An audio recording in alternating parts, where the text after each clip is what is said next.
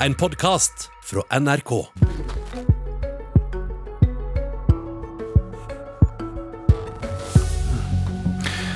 MDG har ransaket seg selv og funnet en nokså påståelig krabat med litt dårlig humør og skylapper.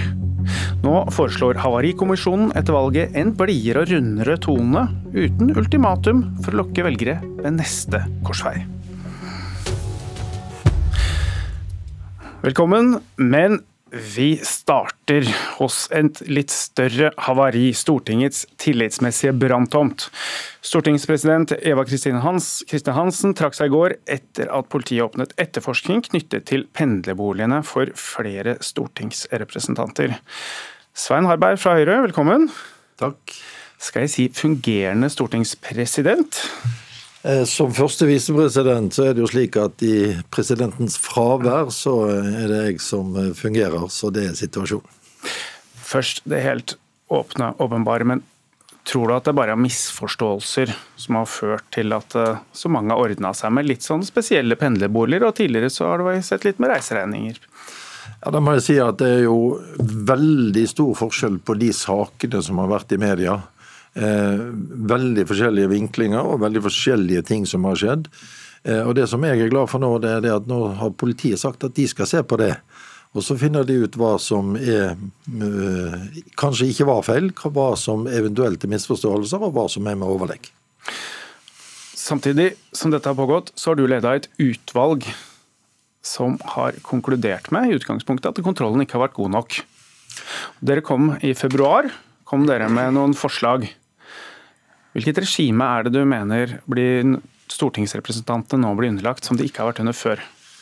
Ja, Det er flere ting som har skjedd med det eh, siste år, eller siste årene. Det ene er at en har etablert helt andre systemer internt for å følge med kanskje spesielt reiseregninger, slik at en har flere trinn på kontrollen. Altså du har bilagsbehandling og selve reiseregningen som kommer inn så har du selvfølgelig, som i alle sånne sammenhenger, en, en etterkontroll og stikkontroller. Men så eh, er det påpekt at vi bør ha et internrevisjonssystem som sørger for at de rutiner vi har for kontroll, blir fulgt. At de rutiner vi har for kontroll, er gode nok.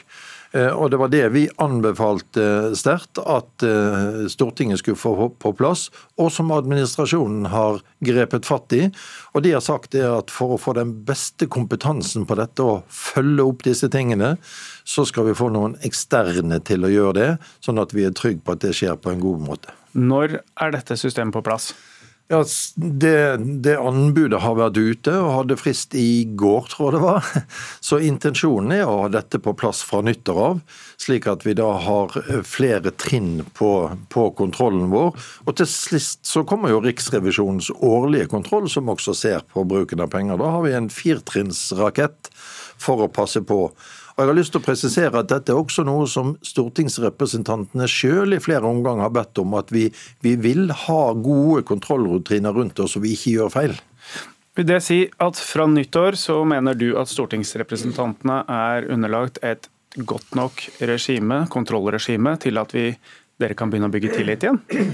Vi mener det, at da er vi der. Og så skal vi selvfølgelig, ikke minst når det gjelder eh, boligordningen, gå gjennom regelverket, som vi har sagt. Vi har nedsatt et eksternt utvalg der òg, som skal se på hvordan bør dette utformes og hva bør gjelde.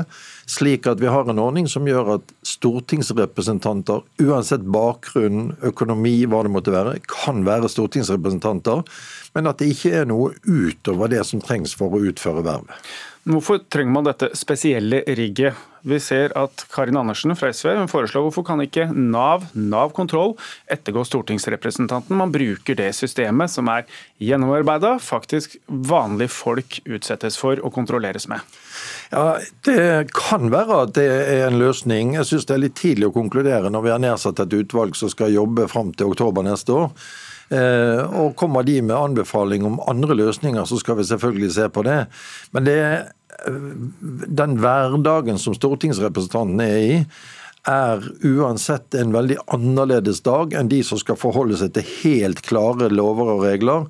Her er det mye skjønn og mye vurdering, og da må en kjenne stortingslivet godt. Så kan det være at noen andre kan ta bilagsbehandlingen, men da må vi forberede det og se hvordan det skal gjøres. Da får vi se. Tusen takk, Svein Harberg. Eh, jeg vender meg til eh, Lars Nehru Sand, kommentator her i NRK. Altså, politiet skal etterforske nå minst seks saker. Hvordan vil dette påvirke Stortinget, en, tillit, en tillitsreform holdt jeg på å si, som de nesten nå skal, skal, skal gjennomføre? På kort sikt så vil det selvfølgelig være oppmerksomhet rundt det spesielle i den situasjonen. og Så vet vi jo ikke hvor lenge den eh, etterforskningen vil vare, eller hva den vil avdekke om noe. Eh, det jeg tror er avgjørende viktig for Stortinget, er at eh, vi nå er i en situasjon hvor det er noen andre som også må se på Stortinget med nye øyne, for at man skal kunne renvaske Stortinget og, og begynne det møysommelige arbeidet med å gjenopprette tilliten. Så at det kommer andre inn og ser på regelverket, at politiet etterforsker hvem som har gjort noe galt. Eh, det tror jeg kan hjelpe Stortinget med å gjenreise tilliten, for det tror jeg ikke de klarer alene, uten at noen andre kan verifisere hva som har vært rett og galt, og også hva som er eh, riktige og kurante regler, slik situasjonen er, eh, er nå. Skjalg Fjellheim, politisk redaktør i Nordlys. Um, velkommen. Takk, takk for det. Disse spesialordningene med pendlerbolig for de folkevalgte, trengs det egentlig? Ja, Det er jo et eh, godt spørsmål. Eh, Ordninga i seg selv eh, har jo en god intensjon. og Den er jo at mennesker skal kunne velges til Stortinget uten å ha to husholdninger hvis man bor langt unna hovedstaden. Men jeg syns også denne saken reiser et interessant spørsmål. og det er jo At stadig flere politikere later til å ikke ha særlig lyst til å bo blant sine velgere ute i Norge når de velges inn til Stortinget. og Det er jo nettopp derfor de må ordne seg med eh, postbokser eller jukseleiligheter, eller hva det vi kan, skal nå kalle det, et eller annet sted i Norge.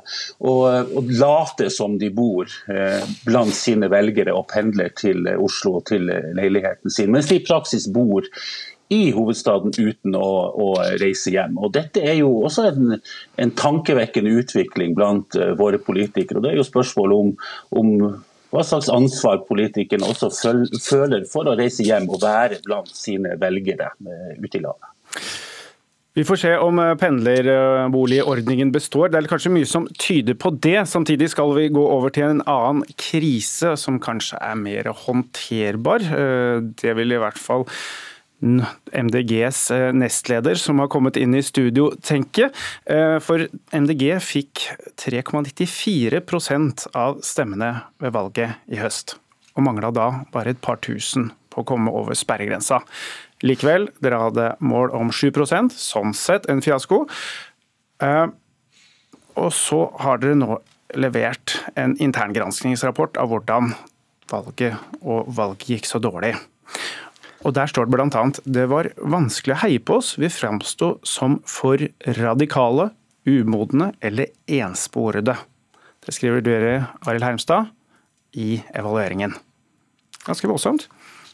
Altså, vi har um vi er jo stolt av at vi gikk frem. Vi er stolt av at vi har gjort den, den beste valgkampen noensinne nasjonalt. Eh, og det er veldig mange frivillige og ansatte som har stått på. Eh, og gitt alt. Men eh, vi har høyere ambisjoner. Vi ønsker å være et parti som eh, også blir sittende med makten nasjonalt, nasjonalt. Fordi vi mener at det er nødvendig for at Norge skal komme med løsninger på klima- og naturkrisen.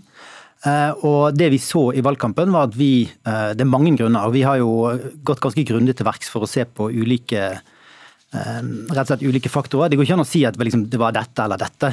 Vi har en konklusjoner på det er vel åtte punkter vi har kommet til. Eh, og en av de tingene som, som, vi ser, som vi tror er riktig, er at vi skulle snakket mer om våre egne løsninger. Eh, og ikke være så flink til å karakterisere de, de andre partiene. Det er på en måte noe man veldig ofte hører når et parti gjør litt dårlig et valg. Ja, og, men jeg, jeg, tror jo en av grunnene til at eh, vi, vi fikk ikke snakket om det, det gode grønne samfunnet som er mer rettferdig og mindre stress og press. Ble, ble, dere for negative? Ja. Altså vi, jeg tror det som skjedde var at vi fikk en rapport og egentlig veldig mange dystre klimahendelser i august som gjorde at våre, alle, Det var vi som satte dagsorden for valgkampen veldig lenge, og vi undervurderte på en måte hvordan det da utvikla seg til å bli en litt sånn kamp på våre premisser. Som, Mener du at dere ble overeksponert? Vi var veldig synlige. Vi var nesten ikke synlige som Arbeiderpartiet, så vi bokset jo langt over vår egen vektklasse. Og vi kommer fra et sted hvor vi er vant til å kjempe klima og natur inn i alle debatter. Eh, og det fortsatte vi å gjøre, selv om den, eh, den rapporten på en måte gjorde at alle andre måtte komme opp med sine svar. og da må jeg rose de andre partiene. Jeg synes Mange av de var også flinke til å komme med sine løsninger, og det var ikke vi flinke nok til. Og Nå er jo spørsmålet Kommer de til å levere på de løsningene som de sa at de skulle gjøre i valgkampen? Nå skal du snakke om egen politikk, da, ikke det andre igjen. Men eh, det partiet som nå skal komme ut av denne evalueringen, ikke et ensaksparti. Hvordan skal dere bredde partiet, egentlig? Nei, nå er jo Den gode nyheten er at vi fikk inn tre, så det er en tredobling. Det betyr at vi er i flere komiteer på Stortinget. Eh, og så skal vi jobbe knallhardt for å vise frem at vi eh, er et parti med god skolepolitikk, eh, god utjevningspolitikk og god helsepolitikk. Vi... Dette høres jo litt ut som et mini-SV, det? Nei, for Vi har andre løsninger. Vi mener at den store utfordringen i vår tid den handler om forskjellen på grønn og grå politikk, og ikke forskjellen på rød og blå politikk. Men Dere sa dere er kritisk til ultimatumet, oljeultimatumet. Vil det si nå at dere skal gå bort fra å være kategoriske, så tydelige, og det som kanskje har skilt dere ut i norsk politikk? Vi kommer til å være tydelige når det trengs. Eh, men det vi så med oljeultimatumet, var at eh, det er jo et politisk spørsmål hva partiet mener er riktig. Men det ble for mye snakk om spill og for mye snakk om olje. Og det er ting som ikke folk og velgere er så veldig engasjert i. Og vi skulle snakket mer om hvordan vi skal løse klimakrisen, rett og slett, istedenfor å snakke om spillet rundt regjeringsmakt. Et ord står det ikke noe om. Byparti. Eh, vi har undersøkt det også, og det er få indikasjoner på at det var ting som gjorde at vi fikk færre velgere. Men vi var verken gode nok i byene eller i, i bygdene til å komme over sperregrensen denne gangen. Skjalg Fjellheim, du er med oss fortsatt. Eh, du mener kanskje at det deler ikke helt den oppfatningen av at eh, det ikke er et problem at MDG er et byparti, som du mener det er? Ja, jeg jo at MDG gjør det veldig lett for seg sjøl hvis de bare tror at dette handler om å bli blidere. Eh, jeg tror det handler om eh, noe som er egentlig veldig enkelt. Skal du bli et stort parti i Norge, skal du bli et bredt parti i dette landet, så må du ha en velgerbase som eh, strekker seg utover de innerste bykjernene i de største byene i landet vårt. Eh, I hvert fall hvis man har en ambisjon om å komme over sperregrensa og få eh, innflytelse. Da må du tilby politikk for hele Norge. Og Det har jo eh, MDG dessverre mislyktes med. Det er jo sjelden et parti som har hatt tidsånden så til de grader på sin side og fått hjelp av en rapport fra FN, har mislyktes så dramatisk i en valgkamp i Norge. Så jeg tror at MDG er nødt til å gjøre noe som egentlig er veldig eh, enkelt. De er nødt til å begynne å være for noe i Distrikts-Norge, og ikke bare mot noe. Og Da mener jeg at de er nødt til å vise hvilke muligheter det grønne skiftet eh, byr på i Distrikts-Norge. At Distrikts-Norge og Nord-Norge faktisk kan bli vinnerne i det, i det grønne skiftet og at eh, klimapolitikken byr på muligheten for at tyngdepunktet i verdiskapinga kan flyttes i enda større grad ut i Distrikts-Norge. Og Der må MDG breie seg ut som politisk parti hvis de skal lykkes. Lars Nehru Sand, tror du at det er en større kursendring på gang for MDG, og at det er nødvendig? Jeg syns dette er en veldig interessant evalueringsrapport fra et parti som har i hermetegn tapt et valg. Eh, det er en spenning i hele MDG i landsmøtesalen deres, det har det alltid vært, mellom de som er opptatt av på en måte krisesymbolikken og politikken og, det budskapet, og de som har den mer teknologioptimistiske tilnærmingen til eh, dette. Det preger også miljøbevegelsen i stort. Når MDG nå sier at de har stått på feil bein i en hel valgkamp, og at det preger eh, hvordan vi velgere har oppfattet dem, så er det en selverkjennelse som, eh, som, er nødt til å stikke dypt. Eh, og, og, slik jeg forstår det, så har Hermstads rapport sterk legitimitet i eh, partiet. Og det viser at, at, MDG har seg selv å takke for hvorfor de har blitt oppfattet sånn som de har. Fordi partiets image skulle jo være partiets forse. At de var mer kompromissløse enn alle de andre. Og nå har den tilnærmingen vist seg å ikke være nødvendigvis det vinnende. Og at partiet selv innser det, så tydelig som den rapporten viser, det, det syns jeg bærer bud om interne spennende prosesser i MDG. Ikke minst fordi de da er nødt til å satse på en litt annen politisk tilnærming når de skriver sitt neste partiprogram før valget om fire år. Og om det, og Arild Heimstad, om eh, dere gjør det lett for dere selv, kommer det sikkert til å så mye om snart. Tusen takk for at dere kom hit. Mitt navn er Trond Lydersen. Du har hørt en podkast fra NRK. Du kan nå høre flere episoder av denne serien i appen NRK Radio.